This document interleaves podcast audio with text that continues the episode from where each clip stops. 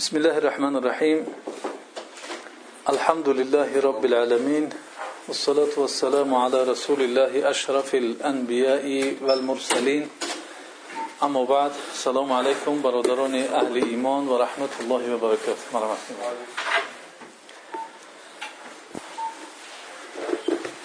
ما در دفعه گذشته تا اینجا رسیده بودیم که و نیسرک للیسرا. و امروز شروع می شود صحبت ما از آیت نهم. اعوذ بالله من الشیطان الرجیم. فذکر این نفعت الذکر. پس پند بده به یاد آور اگر پند دادن منفعت ببخشد یا سود دهد. ما گفتیم که این سوره از جمله سوره هایی هست که پیامبر صلی الله علیه و سلم این سوره رو بسیار دوست می داشت زیرا شروع شد به فرمان پیامبر به فرمان خداوندی و پیامبر صلی الله علیه و سلم که خدا را به پاکی یاد بکند. سبح. به پاکی یاد بکن نام پروردگاری بالا مقامت و هرگاه که پیامبر صلی الله علیه و سلم این را می‌خواند می‌گفت سبحان ربی الاعلى و این ذکر را هم در سجده قرار داد. و دیدیم که در درسی پیش از گذشته برای کلمه تسبیح را واقعا انسان به زبان خود براند و تسبیح گفته بتواند یعنی این آسان نبوده است. سبح اسم ربک الاعلی این چیزی که امروز به ما رسیده است که یک تسبیح را گرفته ما تسبیح میگردونیم. سبحان الله سبحان الله سبحان الله. و این قطعی تمام نمی‌شد است این مسئله. و این قطعی ادا نمیفته است. برای تسبیح گفتن یعنی به پاکی یاد کردن است. ولله المثل الاعلى مثال زدیم که یک برادر یک نفر اگر بگید که فلان صفت های ناخوب دارد. و وقتی که آگاه هستی که اون برادر این صفت ها رو ندارد. در همین حالت چکار می‌کنی؟ اون کسی که تهمت می‌زند به این برادر گپ های ناخوب گپ های ناسزا یا گپ هایی که در حق او درست نیست اون را رد می‌کنی به تشویش. میگو اینا نوتوری هستن گپ ها انسانی خدا ترس است انسان نمازخوان است انسان دروغگو نیست فریبگر نیست. این را میگن عیبها را تازه کردن از اون نفری که میشناختیش.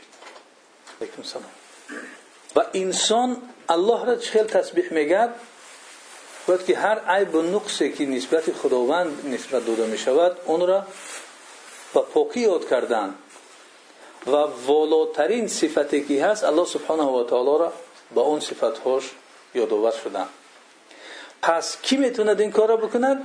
کسی که الله سبحانه و تعالی را می‌شناسد. و به این خلاصه آمدیم که بسیار مردمان در معرفت الله سبحانه و تعالی در شناسایی الله سبحانه و تعالی کمبودی های زیاد دارند. وقتی ما درست الله سبحانه و تعالی را نشناسیم او را به پاکی یاد کردش نمی‌تونیم. از او رد کرده نمی‌تونیم بعضی نقص را که ممکن بیارن و چون صفت های عظمت و بزرگی او را که ندانیم ما نمی‌تونیم که خداوند به پاکی یاد کنیم. و مثل اونه که یک نفر وقتی عیب هاش میگن ولله المثل الاعلى ما اصلا نفر را نمی‌شناسیم. میگن نماز نمی‌خوند دروغ میگد. خب از کجا می‌دونیم؟ ما نفر نمی‌شناسیم. چه خیلی می‌تونیم بگیم که نیوی می‌خوند. نیوی این خیل است اون خیل نیست. وقتی نشناختی چه خیلی از اون؟ دفاع می‌کنیم. پس برای ما لازم است تا خدا را به پاکی یاد بکنیم خدا را بشناسیم. وقتی که انسان حیاتش ببین چی خرف می رود و بسیار مردمان مسلمان از معرفت الهی دور هستند. مشغول به چی هستند؟ خودشون می‌دونن. ولی به معرفت الهی مشغول نیستن. کم مشغول هستند به معرفت الهی. اگر معرفت الهی در ما درست می بود الذي خلق فسوى والذي قدر فهدى والذي اخرج المرعى فجعله غثاء نحو انسان قرار نمیگذاشت این آیت ها آفریدگار اوست. درست سامان دهنده اوست. ما گفتیم که اگر چهارمغز مثلا خداوند خلق کرده است همون چیکار می‌کند کلان می‌شد کلان می‌شد کلان می‌شد یک مقداری من میاد قرار می‌کنه. اگر همون کلان شدنش قرار نکنه چی؟ مثل تربوز و مثل خربوز شود. بعد شمال بشود او بافتد ما گفتیم که انسان دندانش میفتد دندان میبروید برای او. میبروید میبروید در یک مرحله قرار می‌کنه. اگر قرار نکنه چی؟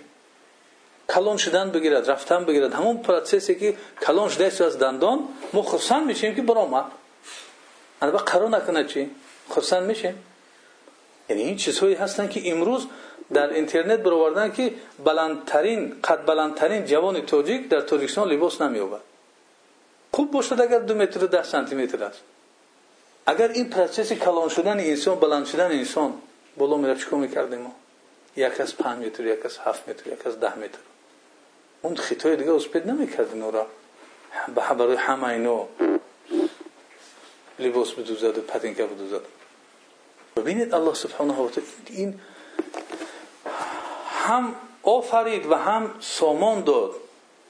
هم مقداری معین کرد و هم آنها را هدایت کرد برای هر یک وظیفه و جای خودش. این الله پاک اینقدر قدرتمند است. در زبان گفتیم اون گوشتپاره های خورده که هستند زیاده از چندین چند صد هزار هر یکی آنها مظهر علا به علاهیدگی خودش می‌فهمند هر یک این زبانی ما عبارت است از گوشتگاه خورد خورده که از صدها هزار زیاد است. هر یکی آنها به علاهیدگیش مظهر می‌فهمند این طبیعت کرده می‌تونه که این کار را بکنه. کی اینو این خیل کرد؟ به تشویش مظهر فهمیده تمام می‌خری نمی‌دونه که چی از کجا اومدگی است. کمتر یک چیز بسوزد وقتی اونها را حس شگون کند بعد می‌فهمی که وقتی می‌خری تمام مزهش نمی‌فهمی بعد می‌فهمی که چی نعمتی بود وای. من مزه را میفهمیدم. بهترین تمام میارن یعنی اون اشتیار را نداره اون بهره برداری را نمی‌کنی. پیامبر صلی الله علیه و سلم این سوره رو بسیار دوست می داشت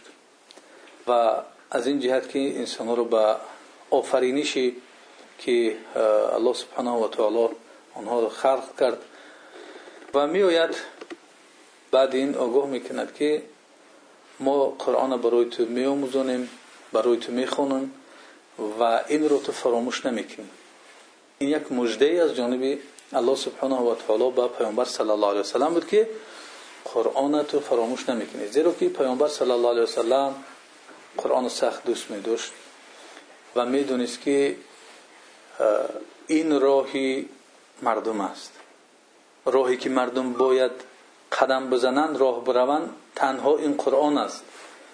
یک کلمش نرود از بین.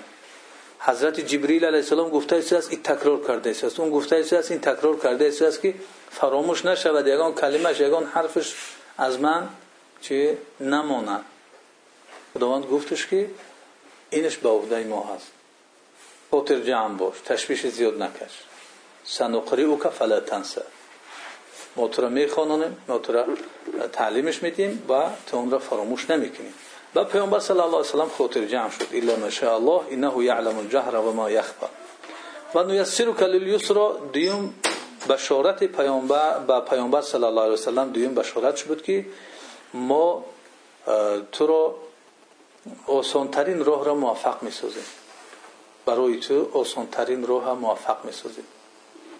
دیدیم که پیامبر صلی الله علیه و سلم در همه پهلوهای حیاتش آسانترین راه ها را بیار کردگی هست.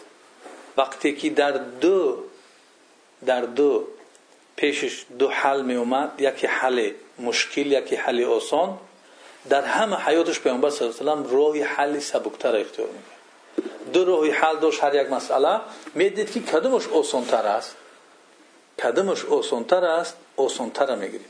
بعضی نفرها اگر در این حالت واقع شوند خیال می‌کنند که از روی ایمانداری این است که همین وزمین و سختتر شد اختیار بکنی.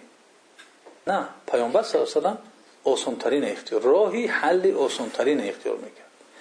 و گفتیم که مانند او کسی که این المنبت لا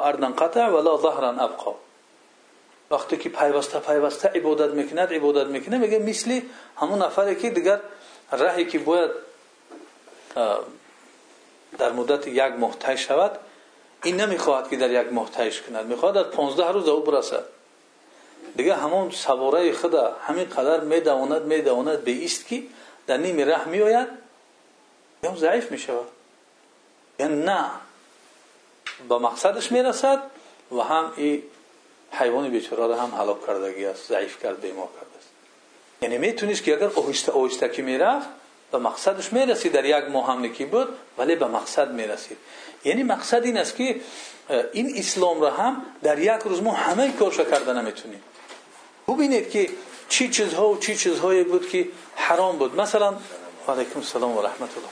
مثلا عرق مای چیزی که مست کننده است.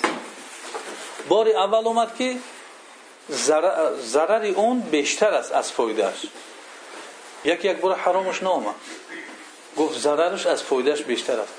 دویم آیت اومد در این مورد چند وقت بعد که علیکم السلام. مرحبا. دویم آیت در این مورد اومد که وقتی نماز شما مست نباشید. دیگه حالت را معنی فقط وقتی نماز معنی کرد دویم مرحله. سه مرحله بعد حرامش گردونید. یعنی بسیار چیزهایی هست که یعنی الله سبحانه و تعالی می‌تونست یک یک بار قرآن در قلب پیامبر صلی الله علیه و بتید و از مسلمانان طلب بکنه که یک یک بار همه اون را عمل بکنید ولی چنین نشد. و این چنین هم حدیث پیامبر صلی الله علیه و سلم است که یعنی اون چیزی رو که من با شما عمل کردم از آن چقدری که می‌تونید انجام بدید ولی اون چیزی که من کردم از اون دست بکشید در امر فرمان داد که کار اجرا بکنید اون به اندازه توانتون.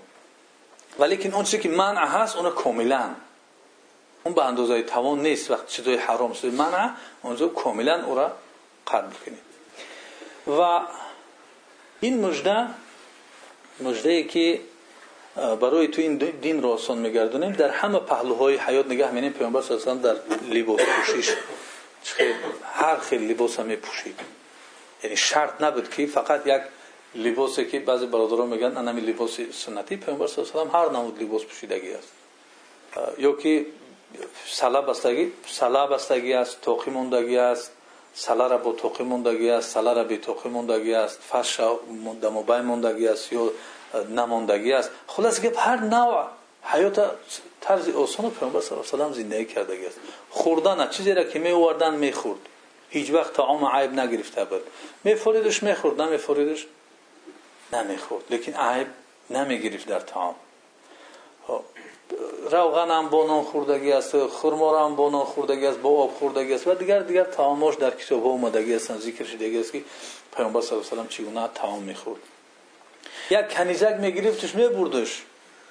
بهترین خلق خدا را او بهترین خلق خدا یعنی که از همه ای همه ای امپراتورها و همه کسی که در دنیا زور بگیم صاحب دولت گذشتگیه یا کسی که ما می‌دونیم پیامبر صلی الله علیه و بهترین خلق خدا و همه بالا یک کنیزک میگرفتش میره باز یک کسی که عادی ترین منصب داشته باشد در اطرافش هر خیلی آدم تو خورده نمی‌تونه. یا که کم ترک خداوند زوری را دو دستش می‌بینه دست کرینده.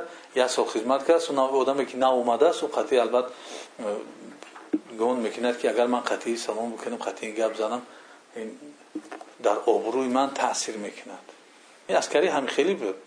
که یک کسی که یک سال خدمت کرده است نو اومدگی را آدمش هم قریب که حساب نمینه و باید که گفتی اون خیلی می‌گفتن؟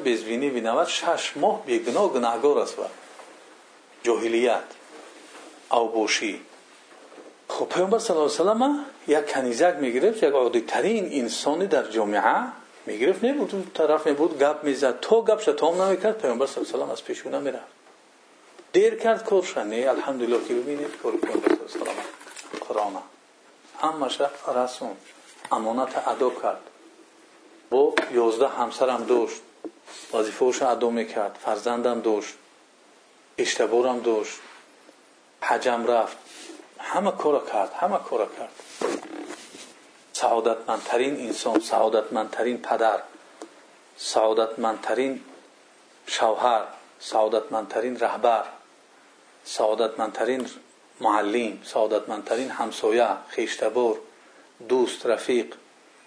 همه جهت سعادتمندترین و بهترین نفری که اون نمونه هست که انسان بخواهد که بهترین шавҳар бошум беҳтарин падар бошум беҳтарин фарзанд бошум беҳтарин ҳамсояву хештабор бошум ҳаёти паёмбар сал ла салам бихонам ва динро барояш осон гардонд вақте ки мебинад хунук аст нафаҳмид ки албатта оба биги истифода бар таяммум кун вақте ки дар берун гург истодагӣ аст хурс истодагӣ аст паланг истодагӣ аст намегӯяд ки албатта рафта об қатӣ наметуни аз об манъ шудагӣ ҳастӣ оби хӯрдан дорӣ тамом таяммум бикун намозта бихон сафар рафтӣ қаср бихон амсоли инҳо ва амсоли инҳо ҳатто вақте ки инсон ҷонаш дар хатар меояд гӯшти хук аст ё ки май аст ё чизе ҳаст барои зинда монданаш мубоҳ мегардад ки ҳамон ҳолат истифода барад амон шуда ина чӣ қадар осон кардааст ина чӣ қадар осон кардагӣ аст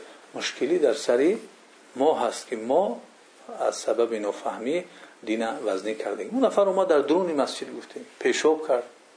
همه صحابه خیستن که چی گپ از در درون جای نماز ما در درون مسجد پیشاب می‌کنیم. پیامبر صلی الله علیه گفت نرسیش اذیتش میتی اگر او پیشابش بند بکند ضررش می‌رسد. و ما افسرنا که الا رحمت للعالمین. مونش کارش بود بکنه. کارش بود کرد. در پیش چشمی همه بعد که بود که فروشکا گفت یه جای نماز است جای ذکر است جای نام الله گرفتن است جای خیلی کار نیست. یعنی جای پاکی از جای نجاست مقصد نیست. دو کلمه خوب قطعی سرزنش نیست. اون مردم دیگره که می‌خواستن سرزنش کنن اون مردم دیگری که می‌خواستن بخیزن تشرش بگیرن ادبش بتیان او را گفت یک ستیلو بری بریزیده بلوش تمام این اینقدر آسان است. осонтарин роҳа дар ҳаёт дин нишон медиҳад осонтарин роҳа дар ҳаёт дин нишон медиҳад пас вақте ки аллоҳ субҳанаҳу ватаоло гуфташ ки мо ин қуръона барои ту мехононем фаромӯш намешавад ва инчунин гуфт ки осон гардонидем чӣ боқӣ мемонад фазаккир вазифаи ту дигар ин аст ино муждаҳо буданд аз ҷониби худованд ба пайғамбар с салам ки мо қуръона дар از قلب امتت هم نمی‌رود حفاظتی قرآن این کاریست که الله سبحانه و تعالی با عهده خودش گرفتش با به عهده ما نسپریده دین آسان گرداند. و این چنین فذکر اکنون دیگر وظیفه ای که میاد پیامبر صلی الله علیه و سلم معین می‌کرد. فذکر این نفعت ذکر پس پند بده اگر که پند دادن منفعت دهد.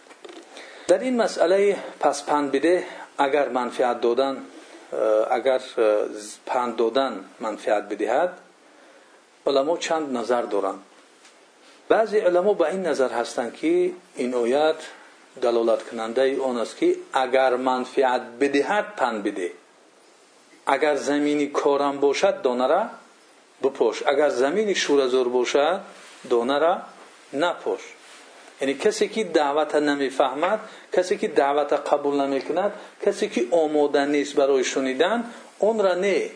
کسی که آماده است اون را پند بده. بعضی علما این آیت این گونه تفسیر کردن.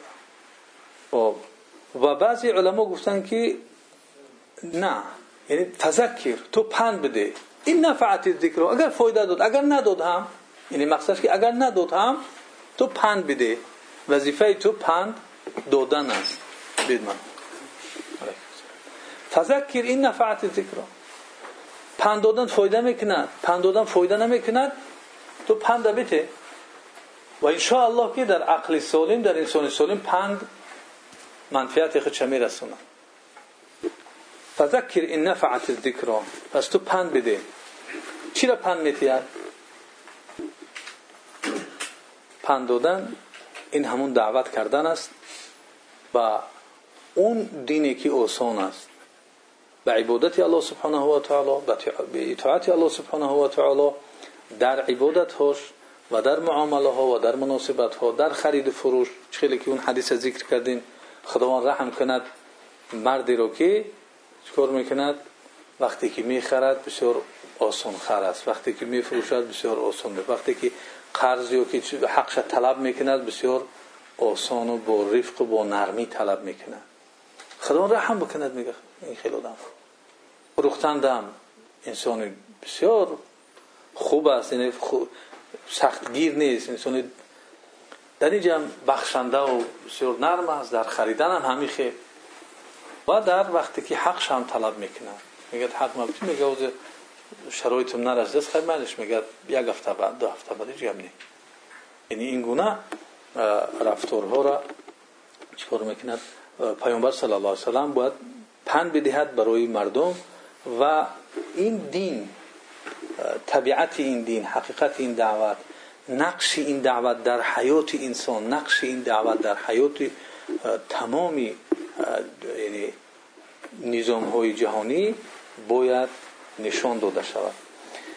و امروز چگونه که گفتیم می‌بینیم که انسان به سبب دور بودنش از این راهی که الله سبحانه و تعالی معین کرده است همین قدر می‌خواهد به سعادت برود نمی‌رسد.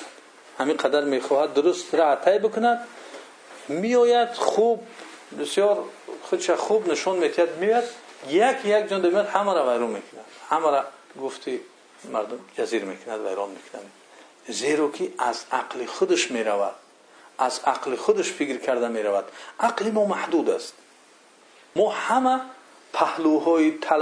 انسانی را نمی‌دونیم.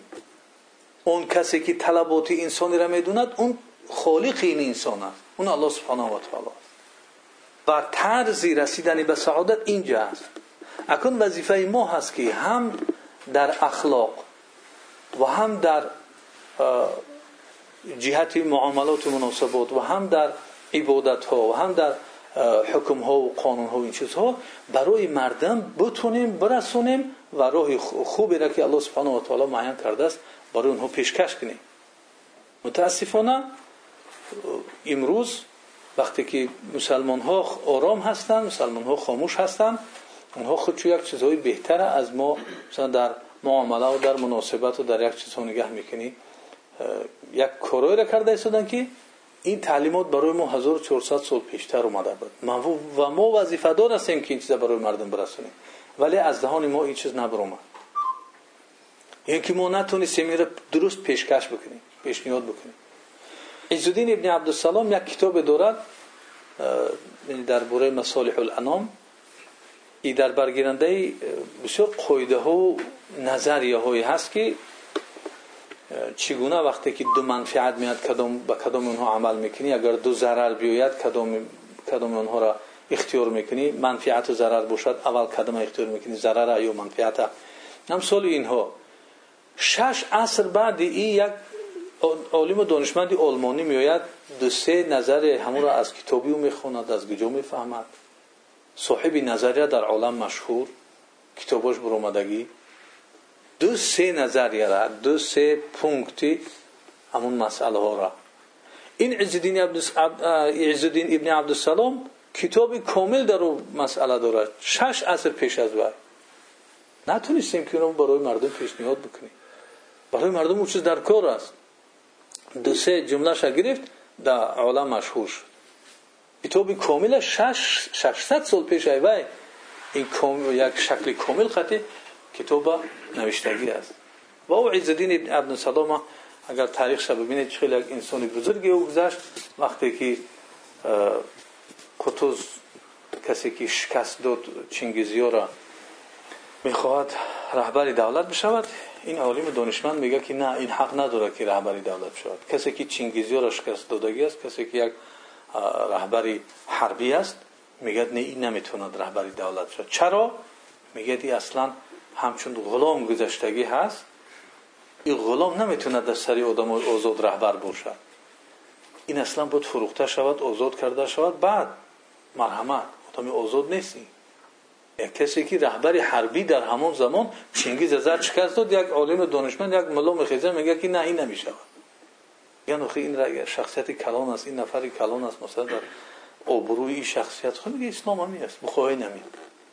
گپش نمی‌گیرن بروش بر می‌کنه زن و فرزندش می‌گیره از مصر میبروه همه مردم از قفوش میبروه خبر می‌رسد با بگیم مردمی که در رهبریت کشور میستن دیگر وزیرا و مردم همه میگن که رفته بگردونش که کار از کار گذشت چخیلی که میگه همون میگه هم خیلی می‌کنه گفته همون ملا گفته همون عالم دانشمند همون خیلی که گفت همون خیلی کردن و راه درست زندگی این است راه سعادت این است راه خوشبختی این است.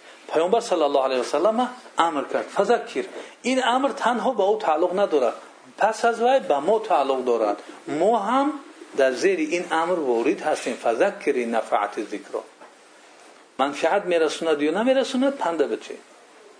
یا که دیدی که منفعت میرسوند در اونجا پنده بته سیذکر ما یخشا.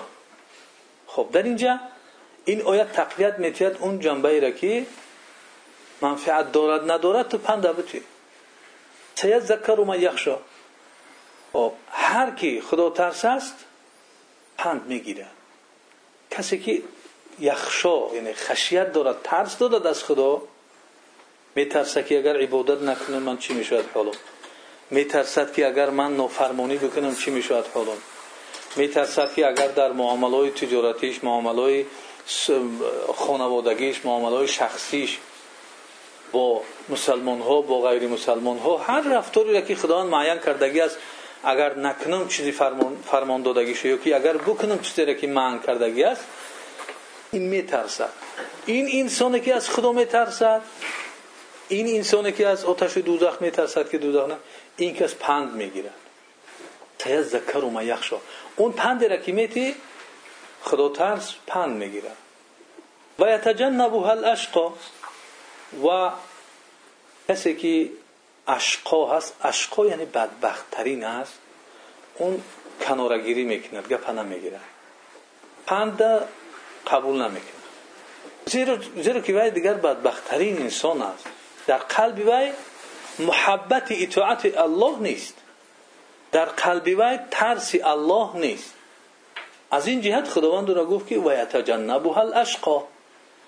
همین یک گپ از خدا و رسول خدا شد میگه با سر کردم. بسش نمی‌کنیم خب چرا زیرا در دل ترس نیست؟ اون دیگه صفت بدبختی را گرفته است. اگر در او انسان خوشبخت می بود از محبت خدا را از همون گپ شیندگی است باز میشناش باز یک چیزی دیگر می‌فهمد. یا اینکه همون چیزی میدونستگیش یک بار دیگر در خاطرش میاد. درست است. ده بار درس گرفتگی است را ده بار شنیدگی است. باز وقتی بار یازدهم میشنوش امروز در کارش است که باید در خاطرش می‌زد. اگر در خاطرش نمیداختیم در خاطرش نمی اومد ممکن بود که امروز یک کاری مهم خطا می‌خورد. خطا حل می‌کرد خطا قدم می‌زد خطا می‌گفت. پس این است که الله سبحانه و تعالی میگه که از این پندها کی کنارگیری می‌کند کی گوش نمی‌کند پند را بدبختترین انسان. این بدبختترین انسان از صفت چه؟ میگه که الذي یصل النار الكبرى اون کسی هست که در آتش بزرگ میدروید. خداوند الذي قدر فهدى والذي أخ... يعني ربك الاعلى پروردگار بالا مقامت که خلق کرد و سامان داد و تقدیر کرد و یعنی اندازه بندی کرد و هدایت کرد. و بیاید همه این انسان بیافرد همه نعمت ها را بتویش. با این انسان بیاد نافرمانیش کند. همین خیلی که دنیا گذشت مردم فریب کرد حیله و نیران قطعی زندگیش برد. خیر و که مسئله تمام می شود خداوند همینجا نام شد در این دنیا یک نام موند که بسیار نام زیشته اشقاش بود بدبخترینش بود. پس یعنی الله سبحانه و تعالی دوست گپی خدا و رسول خدا را نمی‌گیره. این از دوستداری نیست این اشقا را گفتن. خود انسان اختیار کرد که خچه در دایره کسایی که خدا بچه می‌بینه در اون دایره بوده در حال الله سبحانه و تعالی میگه که و رحمتی وسعت کل شی رحمت من همه چیز فرا گرفتگی است. و رحمتی سبقت غضبی. رحمت من از غضبم پیش گذشته است الله سبحانه و تعالی میگه. با وجود این این انسان خود چه می‌برد در دایره اشقا داخل می‌کنه به سبب نافهمی به سبب بیخیردی به سبب عقلی الذي يصل النار الكبرى اون کسی که در آتش می آتش با آتش قرارش نموند همه خیر. به یک صفتی آتش بودنش با کبرا هم ذکرش کرد. یکی آتش بسیار بزرگ در این داخته میشه. کم هم در شوکی گرم شده در آتش بسیار بزرگ داخته می شود داخل کرده می شود یعنی الله سبحانه و تعالی اون ذات بزرگ وقتی خلق کرد وقتی این نعمت ها را برای انسان میتیهد پیام بهترین خلق شرایی کرد اینقدر عذاب کشید. پس این انسان می‌خواهد فکر خودش خطی زندگی کند با یعنی یکم جزا نبیند. الله سبحانه و تعالی بدبخترینش نامید و گفت که در آتش میدروید آتش عادیش با نگفت آتش کبرا میدروید ثم لا يموت فيها ولا يحيا. جزای بسیار سخت میتید. الله سبحانه و تعالی کسی که اطاعتش نمی‌کند. سپس در آنجا نمیمیرد و نه زنده میموند بین مرگ حیات است. و یقول الکافر یا لیتنی کنت ترابا. کافر دیگه میگه که کاش که من خاک باشم. خاک باشم. هیچی باشم. یا کسی که ذکر نشم یا بی حیثیت باشم. هیچ کس باشم. ولی دیگر این نمی‌شود. و او خیلی باقی میمونم آرزوی علیکم سلام. آرزوی مرگ می‌کند. تمنای مرگ می‌کند. مرگ بیاید که از این همه خلاص شود. ولی مرگ نمیآید. ثم لا يموت فيها نمیمیره در اونجا. ولا یحیا. زندگی نمی‌بیند که زندگی آسایشته زندگی براحت زندگی سعادتمندانه بیند نه. زندگی هست که فقط برای عذاب است. زندگی دارد که فقط عذاب میچشد کل ما نضجت جلودهم بدلناهم جلودا غیرها لیذوقوا العذاب. هر وقت که پوست شو پخت و پوست دیگر شو عوض می‌کنی. تا که عذاب بچشن ببینید الله سبحانه و تعالی چه قهر می‌کنه. غضب دارد دل پاک باشد خداوند میبخشد. بخشنده درست است. خداوند بخشنده و بخشاینده است. رحمان و رحیم است. ولی این قدرت ها هم دارد این چیزا هم گفتگی است که کل ما نضجت جلودهم بدلناهم جلودا غیرها لیذوقوا العذاب. اینکه ويتجنبها الأشقى الذي يصلى النار الكبرى ثم لا يموت فيها ولا يحيا. غضب الله سبحانه و تعالی است خدا پناه بچید همه ما را از این غضبش که غضب الله سبحانه و تعالی سخت است. ببین حتی صفتی را که ذکرش کرد صفت شقی شقی یعنی بدبخت است. اشقا یعنی بدبختترین انسان. بدبختترین انسان است که پن میدی پن تاثیر نمینه. نصیحت می‌کنی نصیحت گپ نمی‌گیره نمی‌فهمه. تاثیرش نمی‌کنه. تاثیر نکرد. و اذا جات ساخه ساخه همون انسان هایی که گوششون در تاثیر نمی‌کرد. قیامت یکی از نامهاش ساخه است. چون این صدای میبرورد که گوشی همه را شکوف می‌کنه. ببینید وقتی یک هواپیمای سوکوایی هستن کو اگر صدای بلند قطع پرواز بکند یگون کسی آرام نمی‌گذارد. همجا مخصوصا اگر با پست پرواز بکند. یگون کسی میخیل خواب و یا آرام هم می‌تونه بیسته همه در هیجان میفتن میخیل است قیامت یکی از نامهاش یکی از صفاتش همین است که اینقدر صدای سخت می شود صدای بلند می شود که اون کسانی که نمیشنویدن اون کسانی گوش نمی‌کردن پرده گرفته بود گوشهاشو نمیشنویدن همه اونها را شکاف می‌کند همه دیگه گپ را میشنود ولی دیگه فایدهش ندارد شنویدن. ولی دیگه فایده ندارد اون شنویدن. زیرا که در اونجا دیگه همه برابر است. و امتحان تمام شد. در وقت امتحان باید انسان میشنوید با عقل استفاده برده این پندها را می‌گیرید. قد افلح من تزکه در حقیقت کامیاب شد رستگار شد کسی که تزکیه کرد. یعنی این کلمه تزکیه کلمه تزکیه چیزی هست که علیکم السلام و رحمت الله و برکاته. اگر ما این را بفهمیم اگر سریع این کار کنیم اگر این را برای مردم پیشنهاد بکنیم عظمت بزرگی این اسلام خواهند فهمید که چیه. قد افلح من تزکه در حقیقت رستگار شد کامیاب شد. کی کسی که تسکیه کرد. تسکیه چه می شود؟ از طریق همه انعام قرآن. خواب میره خوابی درست تعام می‌خری تعامی درست. همسر می‌گیری همسری درست. فرزند می‌کنی هم فرزندی درست. کار می‌کنی کاری درست. فرزندی می‌کنی شوهری می‌کنی همسایگی می‌کنی خشتباری می‌کنی زندگی با مسلمان با غیر مسلمان با هر کسی که می‌کنی در اساس گفته خدا و رسول خدا این انسان تسکیه یافته است.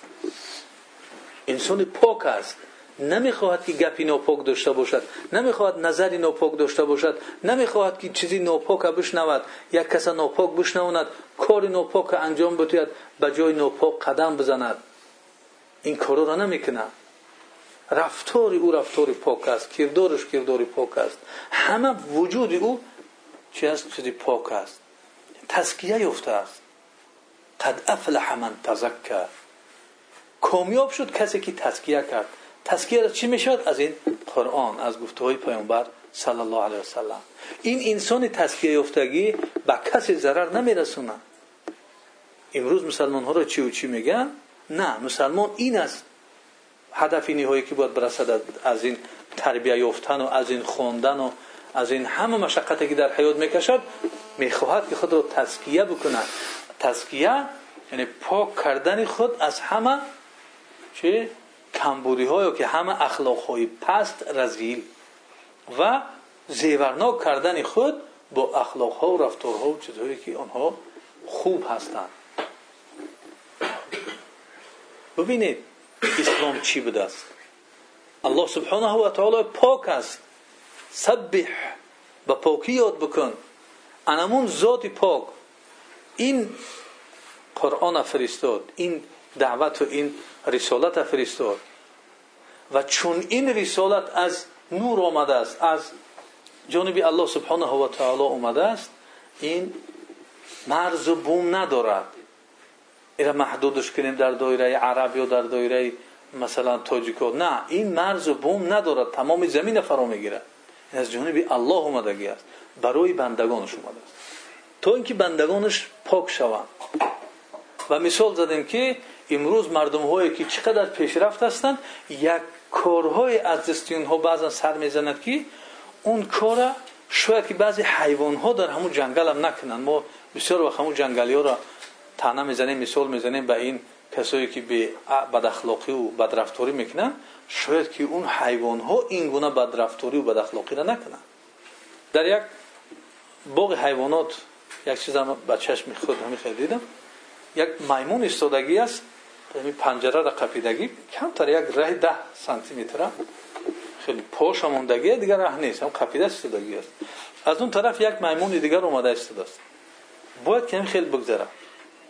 خب ما تصور انسانی داریم. حیوان ها نمی‌دونیم که چی تصورات داره چی رفتار می‌کنن من گفتم حاضر همین میاد خیلی میگذشته باشد. از بولوش از پشتش قپیده میگذرد. از بولوش او خیلی میگذرد از تاش میگذرد.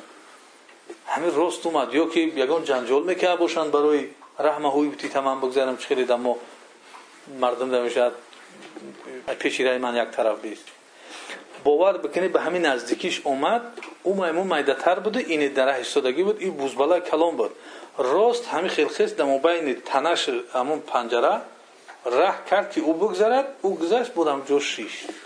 به یگان گپ به یگان چیز من گفتم اگر اینجا دو نفری که در دوره سیوز تربیه یافتگی بودن و انسانایی که در همین فضا تربیه یافتگی بودن اگر می بودن البته جنجالش میشه برای گذشتن.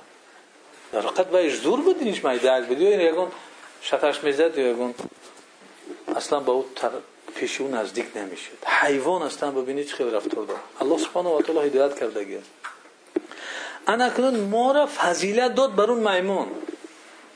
بر اون حیوانات فضیلت داد که عقل داد. و در برابر عقل با این کتاب فرستاد بهترین راه وقتی که انسان با عقل این کتاب اختیار نمی‌کند از اون میمون پستر میشه از اون حیوانات جنگل پستر میشه در خاطر داشته باشه این زندگی ما برای همین تزکیه هست. این زندگی ما برای همین تزکیه است که خود را پاک بسازیم. از رفتارهای ناخوبی که دارم باید من پاک شم. اگر این کار انسان انجام نتید هیچ کار کردگی نیست. به زندگی کرده است. نگه بکن که گفتارت گفتاری هست که به خدا معقول است. یا که خدا دوست نمیداره گفتاری را. طرز گپ زنی تا طرز رفتار تا. پیامبر صلی الله علیه و سلم لعنت کننده نبود. پیامبر صلی الله علیه و سلم طعنه کننده نبود. ببینید که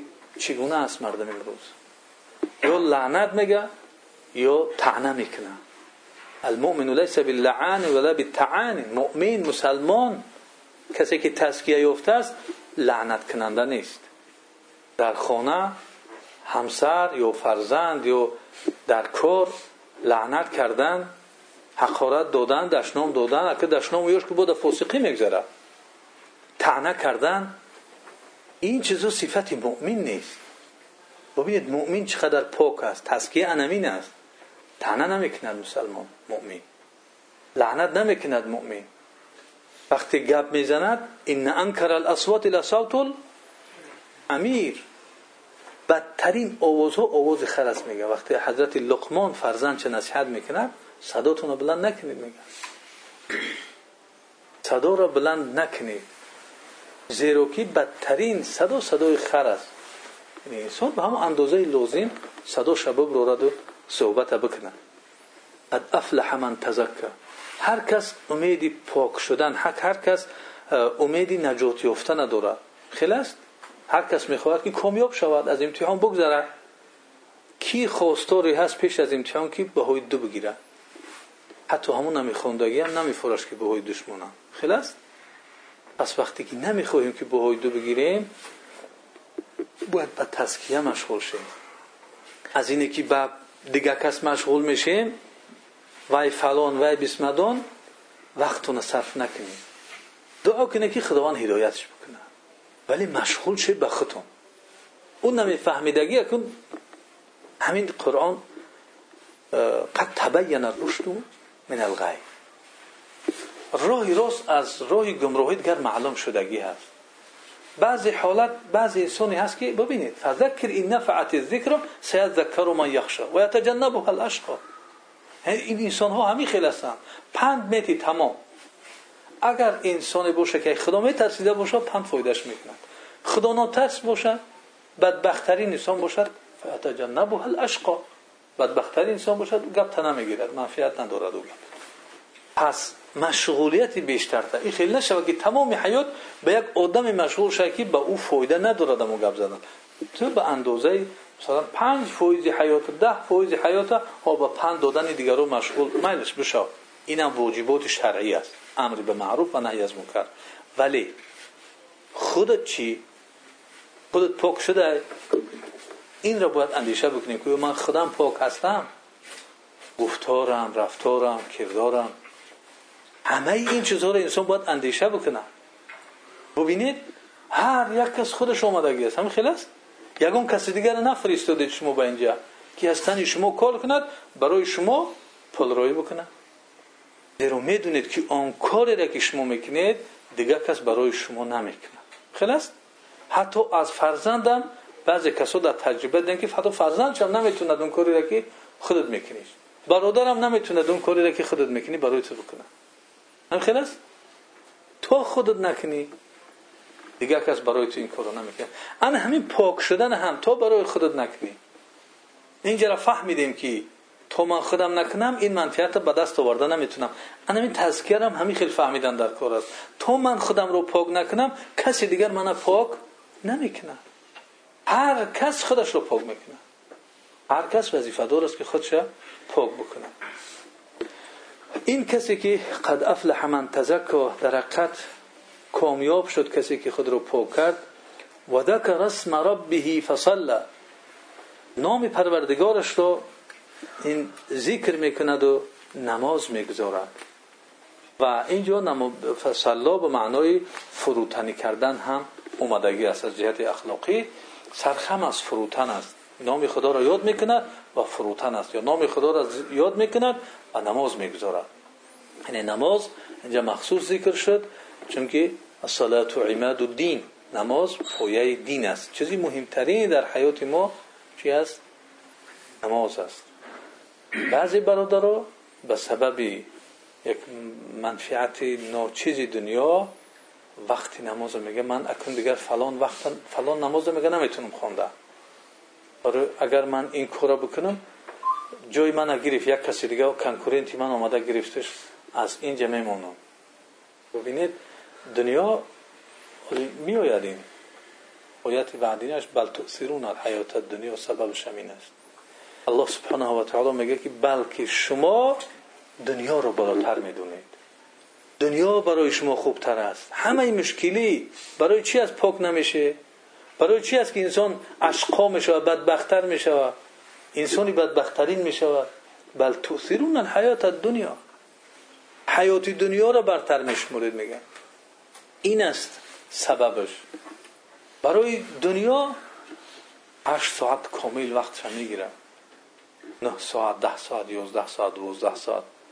مهم که باشد 24 ساعت هم لازم شد. می‌کنی برای الله چی؟ برای پاک کردن خود چی؟ پیامبر صلی الله علیه و سلم کوشش می‌کرد که یک کلمه از قرآن فراموش نشوه امروز ما فکر ای را داریم که کلام الله در قلب ما بگیریم.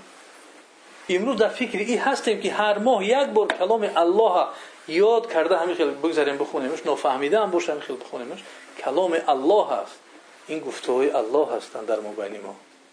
خداوند امروز با آسانی این قدر نمودهای قرآن در همه صورت برای ما آسان گردونده است وقت پیدا نمی‌کنی بل تؤثرون الحیات الدنیا بلکه حیات دنیا را بالاتر شماریدید میگن برتر دونستید وقتی قرآن خونی ندارید وقتی درس خونی ندارید وقتی تسکیه کردن ندارید پس اون چی چیز است که از این چیزا بالا است از درس و از قرآن و از تسکیه کردن چی چیز است که بالا هست در این قرآن ذکر شدگی نیست؟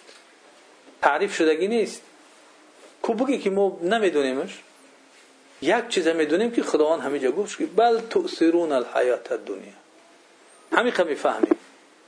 که اون چیزی که مشغول می‌سازد انسان از خوندن و از قرآن و از این تزکیه کردن چی است دنیا هست. میگو که برادری عزیز سر خم بگی اخلاق اسلامی را جایه کن. میگه کیه خودش؟ من حال سرم پیش این خم کنم. برای چی خم نمی‌کنم؟ برای دنیا. پیش این خم کنم سر موضع. این کیه خودش که من خم می‌کنم؟ بله وقتی که تسکیه می‌کند پیامبر صلی الله علیه و سلم با بالای کی خودش کلام گرفت. پیامبر صلی الله علیه و سلم کاملترین عقل بود. یهودی کسا شد رفت خبرش گرفت. بچه که یهودی کسا شد رفت خبرش گرفت پیامبر صلی الله علیه و دشنامش دادن. پیامبر صلی الله علیه و چی و چی نگفتن چیکار کردن؟ روز فتح مکه همه شب دست آورد. همه قپید. لشکرش در اطراف رو ایستادگیه و اسیر در دستش گفت می‌دونی من چیکار تو می‌کنم وزیر؟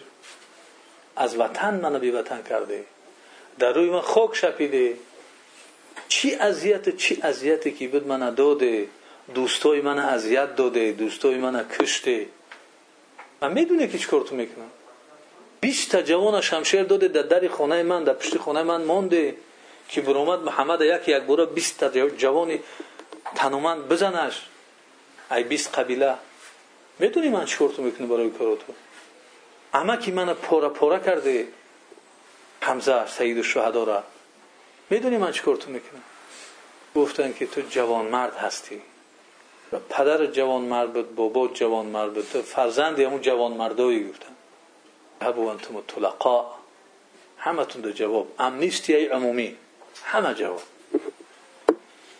همه تون جواب. و بروش پس شد.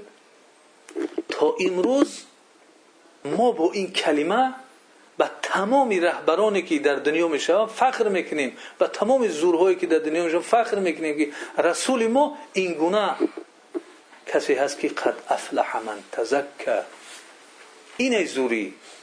او زوری نیست که سر خم کنم من پیشی ای من قطع خوب گپ زنم. رفتاری من به این خطی راست بگو من ایرا با بیشینم خطیش گپ زنم. این زوری نیست. ایرا بی عقلی میگن. ایرا دور بودن از راه تزکیه میگن. قد افلح من تزکه اینه برای ما مهم تزکیه کردن. مهم این نیست که یک کس ما را زور بگه. مهم این است که ما در نزد خدا انسان های پاک باشیم. در نزد خدا معقول شیم. در نزد مردم معقول شدن این مردم انسان چی گناهگار و چی جنایتکار و چی ریسیدیویست می‌سازن بزنش. یک نفر از کسایی که میشناختیم شو از اسکری اومده که کوزی که عمرش قریب یک 20 سال زیادتر از اون جوانیش گذشته است.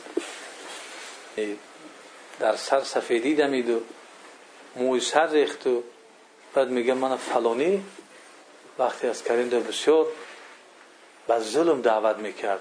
رفیق داشت می‌گفت ایرا بزن او را بزن ایرا بکن امروز پشیمان شده است. ولی دیگر آدم را از کجا میوبی اون کسایی که زدی و کسی ظلم کردی امروز فهمید که خطا کرده است. این مردم همین خیلی می‌کنن. مردم به همین چیز راضی میشون که بینی یک کس خون بیاری یک کس ظلم کنی پول یک کس بگیری. با کتگی کرده رفته پول مردم یک جویا بشینه تمام بخوری. مردم به بعضی مردم خیلی چیز میفورن. ولی الله نمیفوره این چیز. الله میگه امانت دار باشه. به عهد وفا بکنه راستگو باشه راست قول باشه غیبت چی نباشه؟ خبرکش نباشه دروغگو نباشه بهتان چی نباشه؟ شاهد شاهدی دروغ نتیه. این چیز الله سبحانه و تعالی می‌خواه این از زوری. زوری را بفهمید که چی است زور پیامبر صلی الله علیه وسلم که تونیست حتی اون کسانی که نقشه کشید که من میام حاضر همه را از بین می‌برم. در مکه نقشه کشید. با یکی از سران همون کافرا گفت همی کمتر قرض دارم و می‌زنه فرزندم است وگرنه میرم محمد هم می‌کشم گفت وقتی اینو نقشه کشیدن گفت تو اگر همی کار کردی هم تو اگر یگان چی رسیدد قرضات در کلای من فرزند و زن همه در کلای من گفت. او کافری دیگریش. میآید پیشی پیامبر صلی الله علیه وسلم مدینه میآید. کردش خطیش است خنجرش خطیش است صحابه در فهمیدن. چی گپه گفتن؟ با خوبی اومدگی نیست. پیامبر صلی الله علیه و گفت مونش. حضرت عمر پیش روش گفت گفت مونش بیا. بعد وقتی نزدیک شد گفت در فلان جوش ما فلان مصلحت کرده. وقتی گفت کی خبر به رسون غیری من او هیچ کسی دیگر نبود.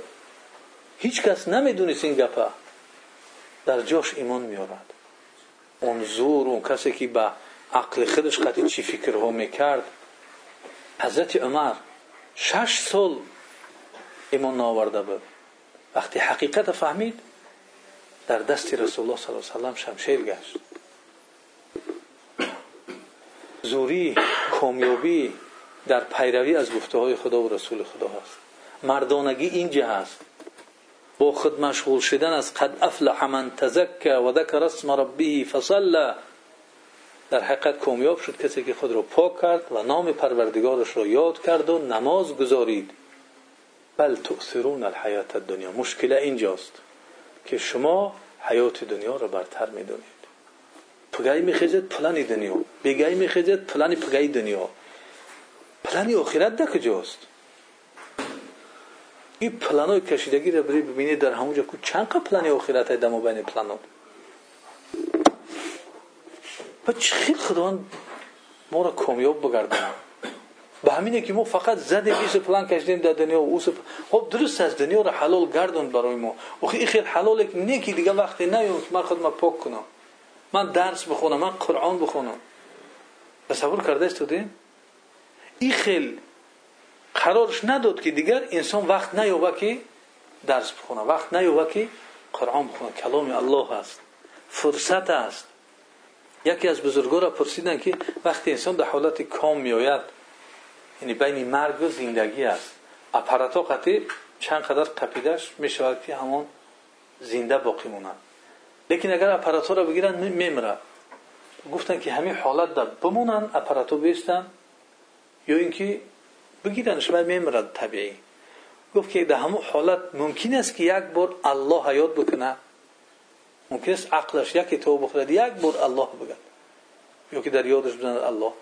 گفتن که ممکن است دخترو گفت اگر ممکن که باشه پس بگذارش که باشد زنده.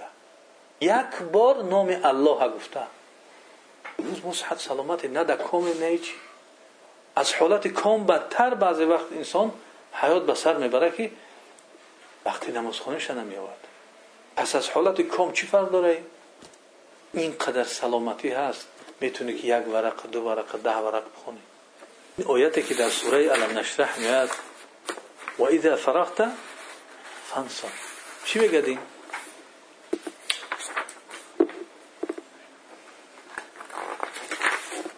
سوره الشرح. فاذا فرغت فانصب پس چون خالی شدی فراغت شدی کار برو تا بود کردی فانصب رنج تن بده. تنش ترم راست بیست عبادت کن. کی را گفته است؟ این مستقیم فرمان با پیامبر صلی الله علیه و وقتی که کارو تا بود کردی کار پیامبر صلی الله علیه و چی بودن یک که بزرگ بود؟ کدام بزرگ بود؟ کدام ابیک بود؟ این کارو تا بود کردی شاو که وقتی افتیم خیلی نماز بخون. راست بیست در پیش من گفت. فنصب. فنصب یعنی نصب راست ایستادن و مشقت کشیدن است. این بود که پوش ورم میکن روز تا بگه او پلانی فقط آخرت داشت. او تا که او پلانی روزت روزه که بود کردی با شب بود راست بشین بود. یعنی روز فقط در دعوت بود فقط در رسوندن این کلام الله. در رسوندن این کلام الله.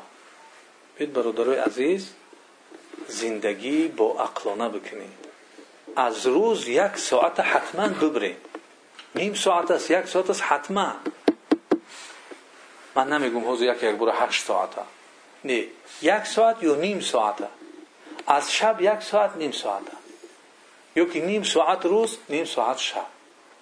زیاد نهولی همین خیلی تمرین بتیختونه با کلام الله مشغول شدن نیم ساعت روز نیم ساعت شب. نمی‌تونی خوندن بگی کتاب قرآن قطیر و رقش بزن. در بولو خط دست برمی خیل نیم ساعت برمی خیل بولو کلام الله. خونده نمی‌تونی.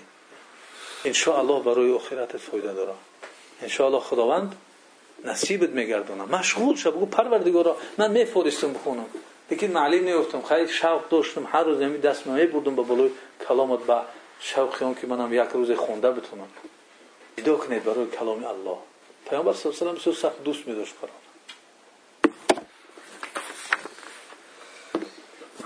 بل تؤثرون الحياة الدنيا والآخرة خير وأبقى شما دنیا را برتر می‌دونید و الاخرت خیر و ابقا. بهتر الله سبحانه و تعالی میگه آخرت است. هم بهتر است هم ابقا هست. یعنی باقی مانده تر است. این دنیا چقدر است؟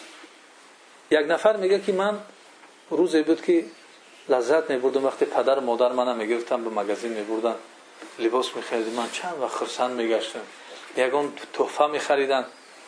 حاضر در یک مرحله حیات رسیدم که اصلا همین چیزهای نو خریدن و مگزین رفتن و این چیزها خوب اگر من خرسند بکند یک ساعت نیم ساعت خرسند تمام دیگر اون خوشبختی و اون سعادت امروز همین چیز ذکر می‌کنه دم برادر اون نفر پیش من میگه بسیار خرسند میشیدم یعنی انسان سعادت خیلی که دیروز گفته در بعضی چیزها می‌دید ولی وقتی که رسید به اون چیزا می‌بیند که سعادت حقیقی در همه چیزای مگزین خریدن نیست. خیال می‌کرد که اگر من بیتشویش بخرم من بهترین سعادتمندترین همه چیز اگر داشته باشم. ولی میگه که دیگر حاضر این برای من اینترس نیست. حیات به سر برده است ولی برنج. چرا؟ راهی معینه برای سعادت در پیش ندارد. برای همین الله سبحانه و تعالی ما را در این قرآن فرمید که والاخرت خیر. بهتر میکوبید بهتر آخرت است. خیر یعنی بهتر. به نه خوب نه خوبتر. این صفتی مثل همون اشقا و ابقا اسم تفصیل است. خیر. خلاص؟ خیرون. بهتر است و ابقا و باقی مانده تر است. ابدی هست. ان هذا لفي الصحف الاولى صحف ابراهیم و موسی این چیزی نو نیست که شما گمان بکنید که برای شما آمد یا مشقت برای شما هست. دیگر امت ها همه خیلی یک دستشون همه برداشتن. خداوند جنتیشو می‌کرد نه. این هذا لفی الصحف الاولى این عقیده و این دعوت و این تسکیه کردن در کتاب های پیشین هم بود. صحف الاولا یعنی کتاب های پیشین هم بود. صحف ابراهیم و موسی کتاب هایی که کتاب های ابراهیم علیه السلام و موسی علیه السلام. یعنی در کتاب های اونها یعنی در همه تاریخی که گذشته است در روی زمین این مسئله هست. الله سبحانه و تعالی از بندگانش این را می‌خواهد. از بندگانش از وقتی آدم علیه السلام تا آخر دنیا را همی را می‌خواهد. مخصوصا برای ما با یک صورت کاملترین و آخرترین رسالت الله سبحانه و تعالی اومده است. و ببینید که فرزندان آدم علیه السلام قابل و حابیل. چه کرد؟ گفت لئن بسطت یدک لتقتلنی ما انا باس ما انا بباسط یدی لاقتلک اگر تو دراز می‌خوای دست دراز بکنی که من بکشی گو من دست دراز نمی‌کنی که تو را بکشم. تسکیه. یعنی اون کسی که فهمید اون کسی که اطاعت کرد الله سبحانه و تعالی را جانش می‌رود ولی نمی‌خواهد که اون خیر و ابخار را از دست بتوید اون چیزی بهتر اون آخرت است. باقی مانده تر اون آخرت است. اطاعت الله سبحانه و تعالی از تسکیه کردن است. مرگ قبول می‌کند با کامیاب شدن. زنده ماندن با شکست خوردن قبول ندارد.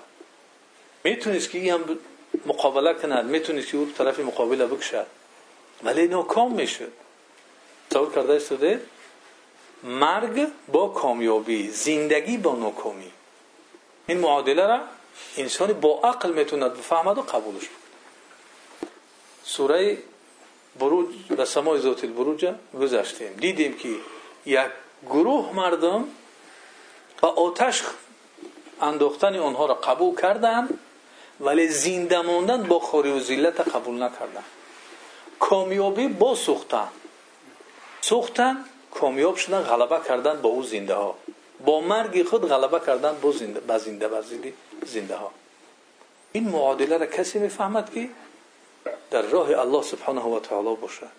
انسان مسلمان به کسی ضرر رسان نیست. ان این مسئله است تزکیه. تزکیه این چی است؟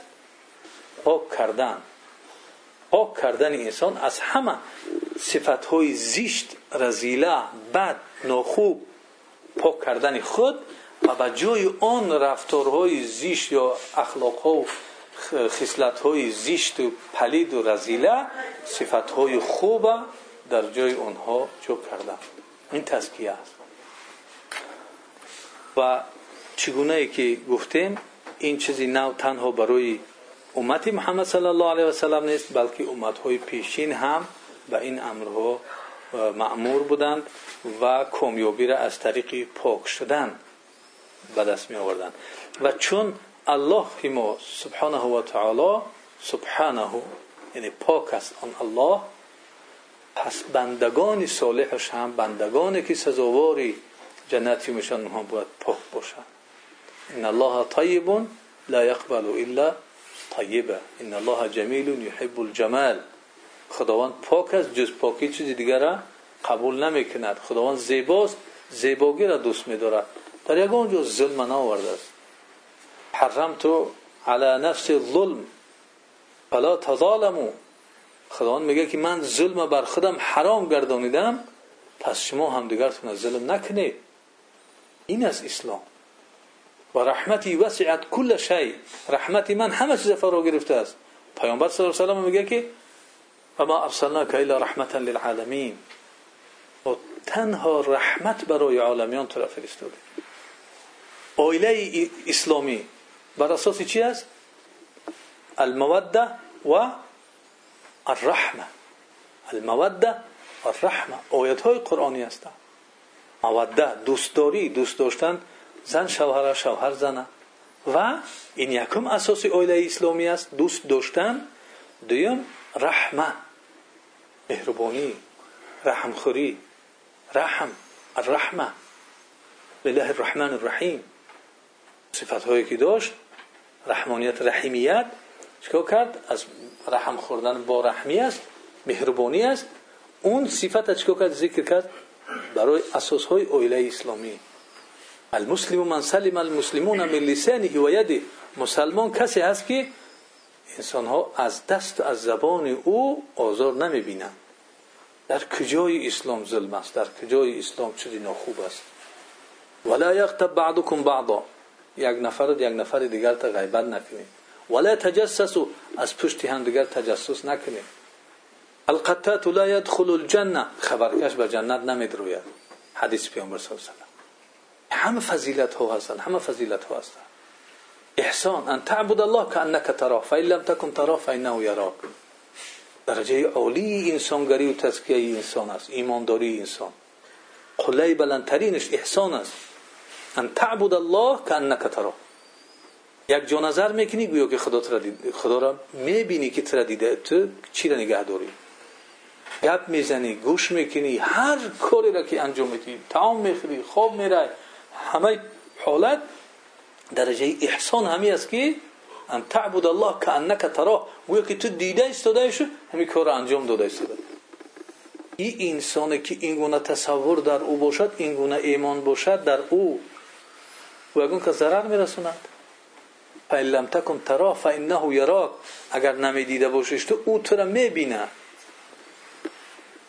تنها رفته مثلا با یک انسان بیجون یک مثلا همسری که ضعیف است یا که فرزندی که مثلا در خونه هست.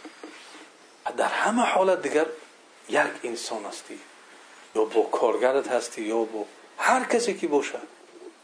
حتی یک مورچه که میگذره وقتی میخوایی که همون را بکشی یا که یکان چی بکنی فکر می‌کنی. من همین را بکشم یا نکشم یعنی درجه ایمانی بلند دارد که میگد من را جان ندادم. برای چی جانشو بگیرم چی ضرر رسونده است؟ اگر بیند که ضرر نرسون نمیرسش. بیند که چیزی ضرر رسون باشد بعد همش در اساس که الله سبحانه و تعالی من دیده ایستاده است. یا که من او را می‌بینم چی؟ موفق درجه اولش. اگر که نمی‌دیده باشه پس او را می‌بیند. احسان. این گونه انسان باید باشیم. این گونه مسلمان باید باشیم. و صحابه های کرام قرآن زنده بودن میگشتن.